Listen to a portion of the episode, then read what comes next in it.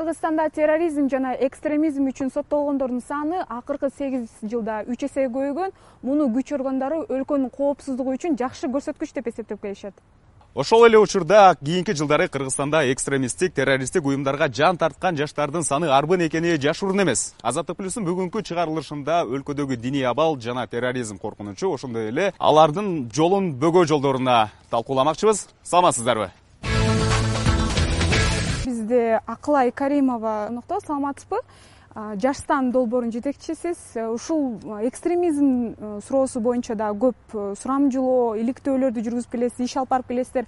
Ошонун жыйынтыгы кандай болуп атат? Ар бир мисалы үчүн региондо кыргызстандын э себептери өзгөчө болот экен да. Мисалы үчүн ысык көлдөн дагы мисалы үчүн катталган факттар бар. Ал ысык көлдөн же болбосо тиги башка кыргызстандын аймагынан кеткендер менен башка кыргызстандын аймак мисалы үчүн түндүк түштүктөн иликтеп көрсөңүз э, себептери ар кандай болот экен да? Баары эле көрүнүктүү мындай баары эле айтып келген бул деген ошол жанагы финансы маселесин айтышат да. А бирок ушул деген э, финансы маселеси бул деген бир гана себеп эмес экен да. Жумушсуздук. Жакырчылык бул деген көрүнүктүү эле эме болуп атат да себептер болуп атат. Тереңирээк үңүлөт карай турган болсок кандай дагы башка маселе? Тереңирээк карасак бул жерде үч негизги маселе бар экен да. Биринчиси бул деген жаштардын арасында эгерде жаштарды ала турган болсок жаштардын арасында жанагы өзүн өзүн э, ийгиликтүү э, жолун таап кетүүгө мүмкүнчүлүктөрү чектелген балдар да булар деген көбүнчө билими илими аз же билим ала турган мүмкүнчүлүгү аз. Сабатсыздыктын артынан деп айтсак туура болобу анда сабатсыздык деп айта албайт элем бирок мүмкүнчүлүгү аз мүмкүнчүлүгү чектелген балдар деп айтсак болмок да бул биринчиден. Экинчиден бул жерде поиск личности дейт да өзүн өзүн баягы мен киммин мен ушул кыргызстандын өзүнүн баягы идентификация деп коет. Вот поиск личности то есть кантип ал өзүнүн өзүнүн жолун таап кетет? Мисалы үчүн коомдогу орду. э, коомдогу орду анан үчүнчүсү эң негизги мындай дагы э, себептердин бири бул деген эгерде жаштар өзүнүн э, ойлорун өзүнүн кандай десем ордун эркин билдире албаса мүмкүнчүлүгү болбосо жаштардын үнү угулбаса үнүн басып келе турган болсок демек ушул жаштарда жанагы протестное настроение деп коет да протесттик жанагы өчөшүү деп койсок да болот да ошол көбөйөт экен да. Бул деген ушул негизги кандай десем себептер. Бирок бул себептерди бир гана диний радикализмдин эмеси себептери деп айта албайт элем да. Анткени бул себептер бул деген кандай десем общий болуп атат да. Негизги жаштардын өнүгүүсүндө тоскоолдук болгон себептер болуп атат да. А радикализм бул бул чыккан нерсе бул деген кандай десем жанагы ошол э, инструмент катары болуп атат да. Ошол жаштарды ошол эмени ушундай жаштардын арасында иш жүргүзүп э, мындай кандай десем үгүттүп үгүттөп көтөрүп алып кеткенге рахмат. Ушул билимсиздик жөнүндө сөз болду. Ош шаардык билим берүү башкармалыгынын жетекчиси авазбек асанов агай бизде конокто ушул мектептеги билим берүү жөнүндө айта кетсеңиз эмне жетишпейт эмне туура эмес берилет балким дагы сабак кошулушу керек. Эң биринчи бул идеология. Бул диний идеология. Идеология менен күрөшкүбүз келсе дагы биз дагы идеология сунуш керек да. Идеология менен күрөш менен неме танк менен автомат менен ал күрөшүп результатка жетиш натыйжа алыш кыйын жыйырма бир жылдык тарыхыбызда эгемендүүлүккө жеткен каршы турган идеологияны ойлоп чыгарган жокпузбу биз? Бир убакта башында бизде бир кемчилик кетти. Так дин менен мамлекет эки башка дедик. Динге мамлекет киришпейт деп айттык. Ошондон пайдаланып мечиттерде башка жерде түрдүү процесстер жүрдү. Биз мамлекет балким өзүн ошол процесстерге аралашуудан качты. Бул жерде бир жеңилдик деп ойлойм. Балким азбы кичинеби эми мына мен эми билим берүү системасынын өкүлү болгондон кийин мен мындай ишенимдүүлүк менен айта алам. Бул идеологияга каршы күрөшүш үчүн биз балдарыбызга дин жөнүндө маалымат беришибиз керек. Дин жөнүндө билим эмес же динге тартуу эмес. Биз маалымат. Ал радикалдык агымдар деген эмне экстремизм деген эмне биз балдарыбызга түшүндүрүшүбүз керек. Идеология жасашыбыз керек деди. Идеология жасап атканда эки маани эки нерсеге өтө терең маани беришибиз керек. Биринчиси бул технологиялар азыркы учурда идеологияны технологиялар жасап атат. Бул ошо социалдык тармактар болобу же телефондор болобу бул ошондой технологиялар идеология жасап атат. Эмнеге дегенде мисалы үчүн ютубтагы ар кандай видеолордун миллион миллион андай көрүүлөрүн алышы эсеби ошондой технологиянын эсебинен имамдарга да суроо берип көрөйүн. Интернетти колдоносуз да өзүңүз деле азыр? Колдонуп анча мынча колдонуп каласыз. Интернеттен мисалы туура салттуу ислам боюнча туура маалыматтарды алуу канчалык деңгээлде мүмкүн? Бисмиллахи рахмани рахим ассаламу алейкум урматтуу жамаат. Эми ал жерден ким кирип эгерде ошол ошол жака сирияга же болбосо ошондой экстремисттик топтордун маалыматына дуушар болгон болсо анын анын мээсинде э, ошолорго тосуп ошолордун э, идеологиясына каршы боло турган анда диний маалымат же болбосо ошонун билими кандайдыр бир деңгээлде ошого жетерлик деңгээлде билими жок боло турган болсо анда ошого сугарылып ошол идеология кирип калат да анын чыгышы кыйын. Кайсыл бир нерсе мээсине эң биринчи кирип кала турган болсо анын чыгышы кыйын. Чындыгындачы кайра аны аркага алып келиш кыйын. Мисалы үчүн ошол топко кирип алган болсо же болбосо ошол топко кошулуп алган болсо эми биз ошонун алдын алгандан акылдуураак акылмандык жок чындыгында пайгамбарыбыз хадисинде айтат ар бир нерсенин алдын алышыбыз керек. Ошол нерсеге баардыгыбыз жапа аракет кылып атабыз. Мечитке таалимге келген балдарга эмне деп сиздер түшүндүрөсүздөр? Бул туура маалымат бул туура эмес маалымат. Эгерде мындай болгон боло турган болсо аларга кошулбагыла деп бир белгилери болот да. Биз э, имамдар ошол э, экстремисттик топтогу же болбосо мындай э, идеологиясы ишеничи акыйдасы туура эместерге биз микрофонду бербейбиз мечитте чындыгында. Аларга микрофон берип элдерге туура эмес идеологияны жайылтышына биз уруксат бербейбиз. Микрофонду сөзүңүзгө аралажы микрофонду бербей сөзүн бербей койгон бул өзүнчө башка бир тема. Бирок балким алардын ишмердүүлүгүнө бөгөт коюу жана акыйдасы туура эмес эгер байкалган болсо чындыгында биз байкап турабыз. Ким тарабынан көзөмөл жүргүзүлөт? көзөмөлдү ошол э, мечиттеги жамаат жана имам эң биринчи очередте имам жана ошол мечиттин жамааты чындыгында. Мисалы биз мечиттерге барсак алар бизге түшүндүрөт да көбүнчө нерсени. А бирок кээ бирки молдолор бар алар үйдө эле. Эч кандай эчтекеси жок мындай эле. Окуп эле адамдарга билим берет. Кээ бирки молдолор бар алар акмади биздин айылда деле бар. Алар башка жол менен түшүндүрөт да жаштарга. Жаштарды акчага кызыктырат биринчи жолдо. Аларга ар дайым акча берет анан кийин алиги жаш балдар ошол жолго киришке аракет кылат мындай кылсам акча берет экен деп. Акчаны кантип сунуштайт аларга? Суроо берет да сен ушул жолу киришке аракет кыласыңбы десе кээ бирки жаштар жок дейт кээ биркилер ооба дейт. Анан кийин алиги жашка пул берет. Пул бергенде алиги жок деген жаш деле унайт да. Азыр көбүнчө балдар акчага эмне кылышат жаштардын радикализмге берилип кетиши же экстремизмге кирип кетиши бул менин оюмча неме айлана чөйрөсүнө дагы таасир этет да. Мисалы ата энеси ата эне үйүндө ошол жөнүндө тема ачпайт да. Ачпаса жаштарга бул өтө терс таасирин тийгизет.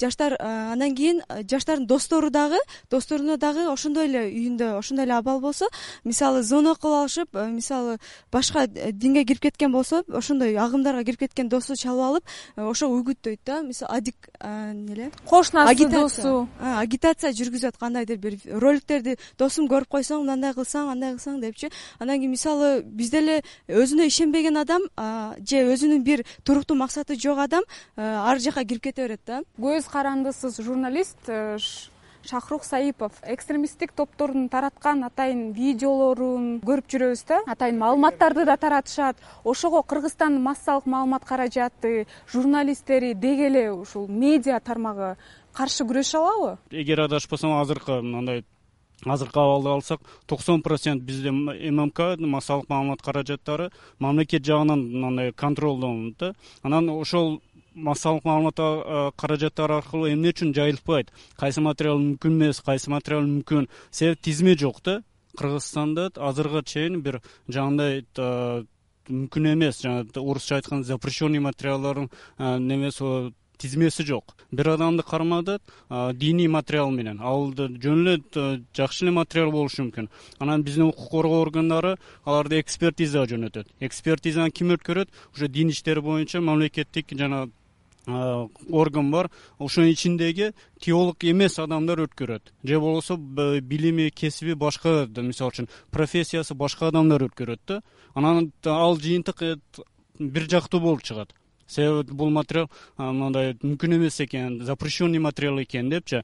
Анан бул жакта ошо спор келип чыгат азамат мырза мына шахрух мырзанын сөзүн улай элек интернетте мисалы хизбут тахрир өзбекстан ислам кыймылы өңдүү уюмдардын ишмердүүлүгү аябай эч тоскоолдуксуз ээн эркин жүрбөйбү азыр кыргызстанда делечи көптөгөн жаштарыбыз бул туурабы туура эмеспи маалыматтарды сугарылып жатат демек кыргызстан маалымат айдыңында маалымат майданында туруштук бере албайт аларга. Жеңилүүгө дуушар болуп жатат деп айтсак кандай болот? Сирияга кеткендердин басымдуу бөлүгү жаштар айылдыктар эки миң он эки миң он биринчи жылдары интернет айылга анча тараган эмес. Демек бул жерде башка маселе бар бүгүнкү күндө кыргызстанда беш жүздөй болжол менен айтканда беш жүздүн тегерегиндей жараны ошол эле жаштары сирияда жүрөт.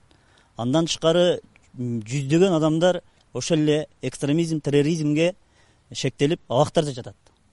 Демек бул жерде алар менен күрөшүүдө ал иштерди алдын алууда мен бир нерсени айткым келет жасалмалуулук болуп атат да. Мисалы ошто же болбосо айылдарда мен өзүм журналист болгондуктан диний экстремизм терроризмге каршы жыйындарга ошол эле тегерек устаздарго көп катышам. Ошол эле уюмдар ошол эле органдар баягы эле адамдарды чакырат ошол эле сүрөткө тартат отчет үчүн деп бүттү кетет. А бирок ошол мен өзүм баткенден болом. Баткендин кайсы айылдарында э, сирияга кеткендерди билебиз да биз. Бирок ошол айылдарга барып жеринде маселени ошол эле имам фонду деп атасыңар ошол эле имамдар ошол эле органдар жеринде барып түшүндүрүш керек. Жеринде барсаңар ошол же закрытый айылдар бар. Бирөө келип туруп маселе бирөө чогулуш өтпөй турган айылдар бар.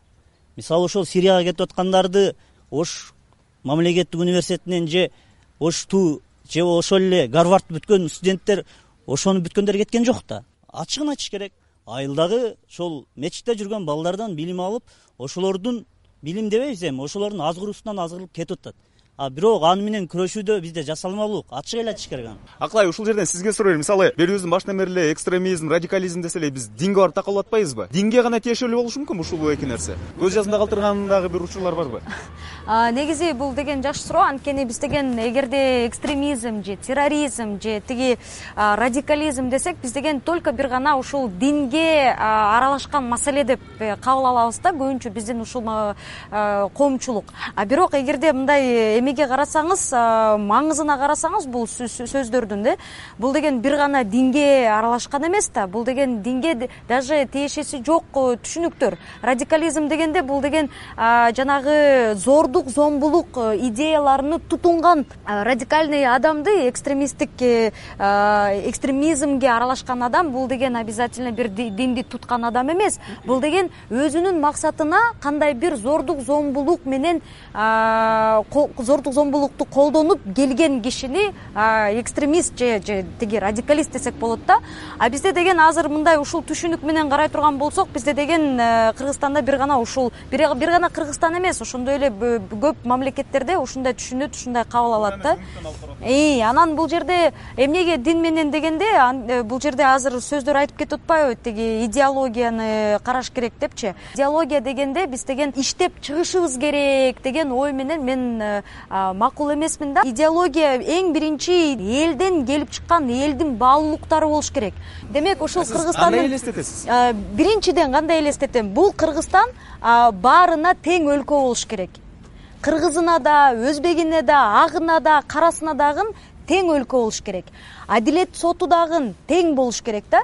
Анан кийин жанагы э, доступ к образованию деп коет доступ к каким то благам да. Ал деген равный болуш керек. Ошол биздин идеология болуш керек да. Проблема көбүнчө кандай кишилерге тиештүү? Көбүнчө жана адилетти таппаган адилеттүүлүктү таппаган көбүнчө өзүнү таппаган ушул э, мамлекетте мен керек эмесмин ушул мамлекетке мени четтетип койду деген сезим менен калган жарандар көбүнчө ушул эмеге э, проблемага дуушар болуп атат да? Азыр социалдык тармактарда ошол эле фейсбук баракчаларында экстремисттик топтордун орус эмес өзбек эмес англис тилинде эмес кыргыз тилинде тараткан видеолор дагы тарап атат да маалыматтар. Ушул боюнча сиздер бир иш алып барып жатасыздарбы? Көзөмөлдөп балким алдын алуу үчүн кандай иштерди кылып атасыздар? Алар менен күрөшүү үчүн атайын бизде кызмат бар. Мамлекеттик дин комиссиясы. Ошолор өздөрүнүн жумушун аткарып келе жатат. Биз жогоруда айтылгандай эле аларга альтернатива сунуштайбыз биз ыйман фондунун азыркы учурда ошо медиа портал деген э, долбоорубуз бар. Ошол жакта жаштарды ыйманга чакырган жакшылык кылууга чакырган билим алууга чакырган видеолорду тартып ошол эле социалдык тармактар аркылуу бөлүшүп жатабыз. Аны жөн гана бөлүшүп койбостон барып жолугушууларды өткөрүп ошол жерде адамдар менен пикир алмашабыз да ошол жерде эффективдүүлүгү аябагандай билинип жаштар таасир алгандыгы көрүнүп турат азамат мырза сизге суройм журналист катары. Ушул жерде маалымат каражаттарынын ролу негизи аткарган ролу канчалык? Милдеттерин так аткарып атабы деген суроо. Массалык маалымат каражаттары кээ бир учурда өзүбүздүн моюнга алышыбыз керек. Билими диний жактан билими жоктугунан э, экстремисттик ошол эле жайылткысы келген адамдарга курал болуп берип атабыз себеби бирөөдөн интервью барган э, алган үчүн барганда анын кандай багытта окуп келди каерден окуп келди билбейбиз дагы бир суроо менен суроо беребиз ал өзүнүн нары жагында каалагандай жооп берет ошолор жарыяланат да. Мындайча айтканда биз журналисттер өзүбүз дагы кичине э, диний жактан аксап атабыз. Э, түшүнүгүбүз жок. Сакал коюп эле даватчылар жанагындай кийинип алса биз аны экстремист катары көрүп атабыз да. Демек ал жакшы эле адам болушу мүмкүн. Бул жактан алганда массалык маалымат каражаттарынын өкүлдөрү деле өзүбүз ошол эле имамдардан ошол эле э, башкалардан биз диний билим алып анан чагылышыбыз керек деп ойлойм. Жаш имамдардын арасында могу абу бакир мырза деп отурат ачыгын айтканда жаштардын арасындагы мына жихад шахид өңдүү сөздөр бул популярдуу муну жаша албайбыз диний жагынан ушул сөзмөдөрдү ачык болуш үчүн анан чечмелеп бере аласызбы бул эмне деген сөздөр мисалы? Түпкү мааниси маңызы. Дин дин ошол айтылган терминдер айтылса эле динге эле байланыштырат көпчүлүгүчү бирок бул ал негизи чындыгында мындай эмес негизичи албетте баардык туура эмес нерселердин баардыгы бул илимсиздиктен пайда болот бул китептерде жазылган баардык жерлерде илимсиздиктен пайда болот. Ушул окшогон проблема чечтиктен э, бир жолу балдарга туура илим берүү да туура тарбия берүү. Сабак киргизет ошол сабакта атайын жанакы балдар кайсы жактарга туура эмес жактарга кирип кетип атат. Ошол тарапты түп тамыры менен биле турган толук балдардан кандай суроо түшсө ошол баардык суроолорго түп тамыры менен жооп бере ала турган ушундай бир динди толук түшүнгөн бирөөлөр Э, мектепке кириши зарыл азыркы убакыттачы абазбек мырза кыргызстан светтик өлкө дин мамлекеттен тышкары деп айтылганы менен диний аалымдардын ушул мектеп программасынын экөөнүн айкалыштырып бул окутуусуна кандай карайсыз? Келечеги кандай болот мунун? Кыргызстан светтик өлкө дейбизби секулярдык дейбизби.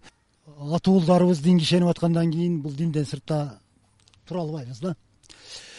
Менин жеке көз карашым диний маалымат берилиш керек бул дүйнө жүзүндө ушундай. Билим бериш керек же диний тарбия бериш керек дегеним жок. Ошол экөөнү алмаштырбасак? Диний маалымат бериш керек деп атам. Эгерде биз диний билим беришибиз керек десек конституциябызга каршы болуп калышы мүмкүн. Диний тарбия десек дагы балким каршылыкка учурашыбыз мүмкүн. Диний маалымат беришибиз керек. Диндердин тарыхын окутушубуз керек. Аны бала өзү анан кийин тандап алат кандай болот? Аны бала өзү эми бул багытта проекттер бар жакын арада балким буюрса бир пилоттук проекттер ишке ашып бул башталышы мүмкүн эми? Өзүңүздөр түшүнүп турасыздар булар өтө татаал маселелер муну колдогондорубуз да көп каршылар дагы өтө көп. Бул көп процедуралык көп механизмдерден өтүш керек. Анан кийин мектептерге келиш керек. Биз күтүп турабыз азыр. Жаштар бул деген бир бир эле проблеманын э, булагы эмес. Жаштар булар деген өнүгүүнүн булагы. Ошону түшүнүшүбүз керек да. А өнүгүүнүн булагы дегенде бул деген биз э, жаштарды кандай бир мындай э, им надо дать образование им надо дать то им надо показать путь им надо то все дебестен наоборот жаштарды надо поддерживать деген эме позицияга өтүшүбүз керек да. Жаштарды деген жанагы объект кылбастан өзүбүздүн воспитаниябызды субъект кылыш керек. Бир столго отургузуш керек алардын оюн угуш керек. Бүгүн жаштарды билимге үгүттөш керек. Мейли ал светтик илим болсун мейли ал диний илим болсун билим алган адам эч качан кор болбойт. Бул чоң механизм бул чоң система. Биз буга даярданышыбыз керек жакшылап иштеп чыгышыбыз керек да. Анан кийин буну ушундай мектепке ушундай сабак киргизди киргизди кылып эле эгерде э, бирөөгө бере турган болсок өзүнүн адистерине болгондо дагы нейтралдуу. То есть бир нерсени навязывать этпей байлабай турган момундай дин бар момундай дин бар момундай дин бар деп ал эми тандоону ар бир адамдын өзүнө кылыш керек. Мен көп сүйлөбөйүн эки эле суроо да ушул программаны чыгарып анан тиги сабакты киргизебиз деп атасыздар да биринчи суроо. Ким жасайт муну экинчи суроо ким каржылайт канча турат бул э, проект да? То есть э, давайте мындай реалдуу карайлы да? Мына азыркы биздин абалыбызгачы. Кечиресиздер бизде чек араны биз не можем защитить да? Элементарно. Медицина хромает система образования двадцать лет реформируем судебную реформу да не можем до конца провести. А тут целый проект на извините сколько школ в республике да? Сколько? Жоктон көрө жогору деп акырындап жылышыбыз керек балким демек мен айтканым бул деген менин оюм жекече да не надо изобретать э, велосипед. Давайте мы свой старый э, еле ездящий велосипед починим да? Это наши школы. Давайте мы будем давать лучшие условия нашим учителям для хорошей работы. Давайте мы будем предоставлять лучшие условия для наших для нашей молодежи чтобы они получали образование анан эми азыркы бул жерде ушундай сөз болуп атат кадр жок сыяктуу болуп атат да бул боюнча аракеттер көп жыл мурун башталган. Азыр кыргызстанда ош мамлекеттик университетинин теология факультети бир он беш жылдан бери кадр чыгарат. Ол мугалим деп кадр чыгарат бирок иши жок жүрүшөт. Арабаев университетинде теология факультети бар кадр чыгарып атат. Кыргыз түрк манас университетинде теология факультети бар кадр чыгарып атышат бишкекте арашан институту бар. Ал жерде теология факультети кадр чыгарып атат. Кадр чыгып жатат. Бирок аларга иш бере албай атабыз. Эгерде ушундай сабактар кире турган болсо ол дароо камсыз болбосо дагы мына ушул кадрларыбыз менен камсыз кылуу мүмкүн. Демек нөлдөн баштабайбыз да. Ал мечиттерге алиги молдолорду чакырыштын кереги жок. Адистерибиз бар. Ошол ата бабалардын баардыгы ошол азыркы маалдагы молдокелер билген деңгээлдеги илими болушкан дин илими ошол себептен ошол маалда ошондой жанагындай азыркы өткөндөй радикализм терроризм деген нерсе болгон эмес маселе. Баардык адамдар билишкен дин илимини ар бир мусулманга бул билиш керек. Өзүгө тиешелүү ислам илимин билиш керек. Ошол себептен ар бир инсан биле турган болсо ошондой нерсе болмок эмес да азырчы азыркы күндө. Анан бул кыз айтып кетти жана башында кандай бир туура маалымат алат депчи? Ошол туура маалыматты кандай алат десе азыркы күндө ошол президент баш болуп ар бир айылдын имамыны бир аттестациядан өткөрүп атат да текшерүүдөн. Мына ошол текшерүүдөн өткөн имамдарга барыш керек ата эне мен күнөөлөйт элем бул жаштарды бир туура жолго баштоочу ата энелерди күнөөлөйт элем да. Себеби ата эне караш керек өзүнүн баласы кимден сабак алып атат каяктан сабак алып турат ошолорду караш керек ата эне ошол ата эне көзөмөлдөп баласыны ошол аттестациядан өтүп келген имамдын колуна берсе эгер балада кызыгуу болсо ошонун колуна тапшырса ошол туура маалымат берет. Жанагындай интернет тармактары же башка жерден туура эмес маалымат алып азгырылып кетмек эмес да. Аттестациядан өтпөгөн молдокелер деле мисалы мечит имамдары болуп жүрүп таалимдар берип аткан учурлар кездешеби азыр? Азыркы учурда почти баардыгы эле өтүшкөн. Аттестациядан өтпөгөн имамдар иштебесин деген буйрук бар. Иштебейт. Аттестациядан өтпөгөндөр. Анан азыркы күндө жетишерлик. Жанагы мектеп маселесинде ошол ыйман сабагын киргизүүгө кадр жетишпейт деген сөз болуп атпайбы? Азыр жетишет. Мен ойлойм азыркы күндө сиз деле барып мектепте сабак өткөнгө даярсыз. динге кызыгуусу болгон адамдар көбөйгөн себептен ошол маселе болуп турат да. Азыркы күндө медреселер көп иштеген. Ошол жерден бүткөн кадрлар көп иштесе болот. Анан ошол мектеп сабагына биз бул жерде сөз болду. Жанагы башка эле бир предметтин мугалими сабак берилип турат депчи андай кылбаш керек да. Ал киши өзү билбесе кандай башкадан сабак берет да? Өзү башка предметтин мугалими анан динден кандай сабак берет да? Ошого дин ошол динди түшүнгөн инсандарга жол бериш керек. Динди туура түшүндүрүш үчүн ошол мектепке аралашышы керек. Бериш керек динди түшүнгөн кишилерге бериш керек жолду бериш керек сабак бергенге жол бериш керек. Анан жана айтып кетпедиби жанагы туура эмес бир баягы туура эмес дегендер пара алгандай дегендей сөздөрдү айтып кетти.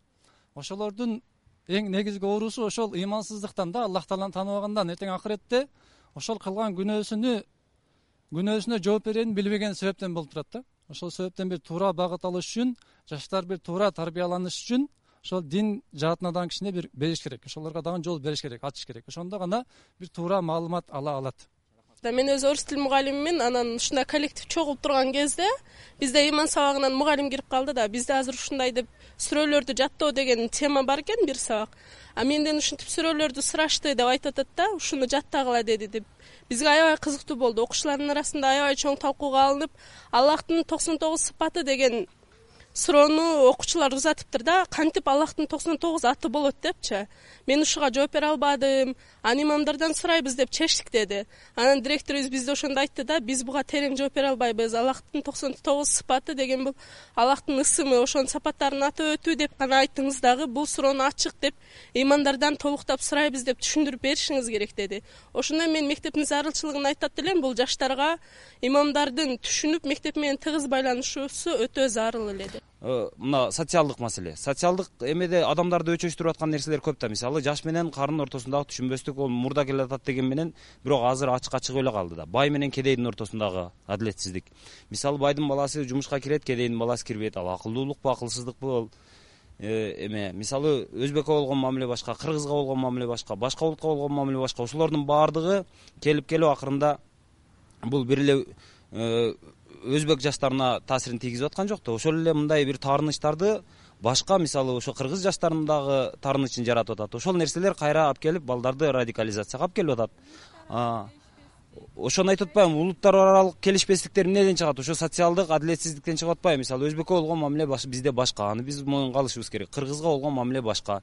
Байдын баласына болгон мамиле башка. Кедейдикине болгон мамиле башка. Мисалы жаштарга болгон мамиле башка. Улууларга болгон мамиле башка ушуга окшогон анан мусулмандарга болгон мамиле башка мусулман эместерге болгон мамиле башка. Ушул теңсиздиктердин айынан мындай таарынычтар көбөйүп атат жаштарда. Булар ошол адилеттүүлүктү издеп анан кийин башка жака кетип атат? Радикализм эмне деген сөз бул чектен чыгуу деген сөз. Радикализмди жалпак тил менен түшүндүргөнү бул чектен чыгуу да. А чектен чыгуу кантип келип атат? Бүгүн ошо баардык агаларыбыз баардык катышуучулар көбүбүз айттык. Биз диний радикализм жөнүндө гана сөз кылдык. Анан суроо бербедиңизби радикализм бир эле ушулбу депчи. Радикализм баардык жерде бар. Радикализм спортто дагы бар. Радикализм журналистикадагы бар. Бүгүн аша чаап маалымат бергенде эле бул радикализмдин бир түрү да журналистикадагы. Радикализм экстремизм деп атып кайра кайра айтып атып ошону күчөтүп албайлы да. Ушул нерсени популяризировать этип албайлы бир сөз бар да тактап айтканда медиада мисалы үчүн көбүрөөк позитив сүйлөйлү депчи. Казанда бар нерсе чөмүшкө чыгат да мындай ачуу чындык да. Анан биз негатив э, жанагы позитив позитив деп сүйлөп анан негативди мындай жаап салсак ал эртең дагы көбүрөөк проблема болот анан ушул нерсени маалында укуктук жол менен мындай чагылдырууну билишибиз керек. Проблема мындай курчуп чоңойгондон кийин кыйкырып туруп э бизде мындай проблема бар экен мынау күнөөлүү башка дегендин ордуна башынан баштап туруп башташ керек да азыр деле убакыт бар эми жыйынтыгаш үчүн бир нерсени айтып кетейин биз арабанда ушул ушуга окшогон бир талкуу жүргүзгөндө э, райондун имам хатиби менен хатибияттан анан э, мектептердин э, немелерин чакырып ушундай бир талкуу жүргүзүп атканыбызда ушул кадимки эле ушул жерге окшоп бир дискуссия болуп кетти анан бири бирине неме жамандап башташты. Анан мен айттым токтогула дедим биздин бүт баарыбыздын максатыбыз эмне? дегенде бүт баары айтты кыргызстанды өнүктүрүү деди имамдарыбыз да айтты немелер айтты. Значит биздин максатыбыз бир болгондон кийин эмнеге биз биз бири биримизден жаман сөз жасап эме кылып атабыз? Давайте бирге иштейли дедик да анан ошол мектептер дагы бизге эшигин ачты. Мектептерге барып ошо диний өкүлдөрүбүз барып аз маз да болсо маалымат берип кетти. Бул жерде мугалимдер көбүрөөк неме алып алды? Маалымат алып алды. Өзүнөчү баягы э, классный частар да өзү бир маалымат берейин деп. Андан сырткары дагы жаштар дагы каяктан туура маалымат алыш керегин билип алды. Экстремизм радикализм терроризм сөздөрү бүгүнкү күндө бар коомчулуктун жүрөк учун алып турганы менен ооруну жашырсаң өлүм ашкере кылат дегендей. Биз бул темаларды талкуулабай кое албайбыз. Балдардын башкаларга жем болбосун десек алардын жаштайынан жаңы горизонтторду багынтуусуна жардамчы болсок деген тилек. Азаттыктын ушул жана башка берүүлөрүн азаттык чекит орг сайтынан көрө аласыздар. Көрүшкөнчө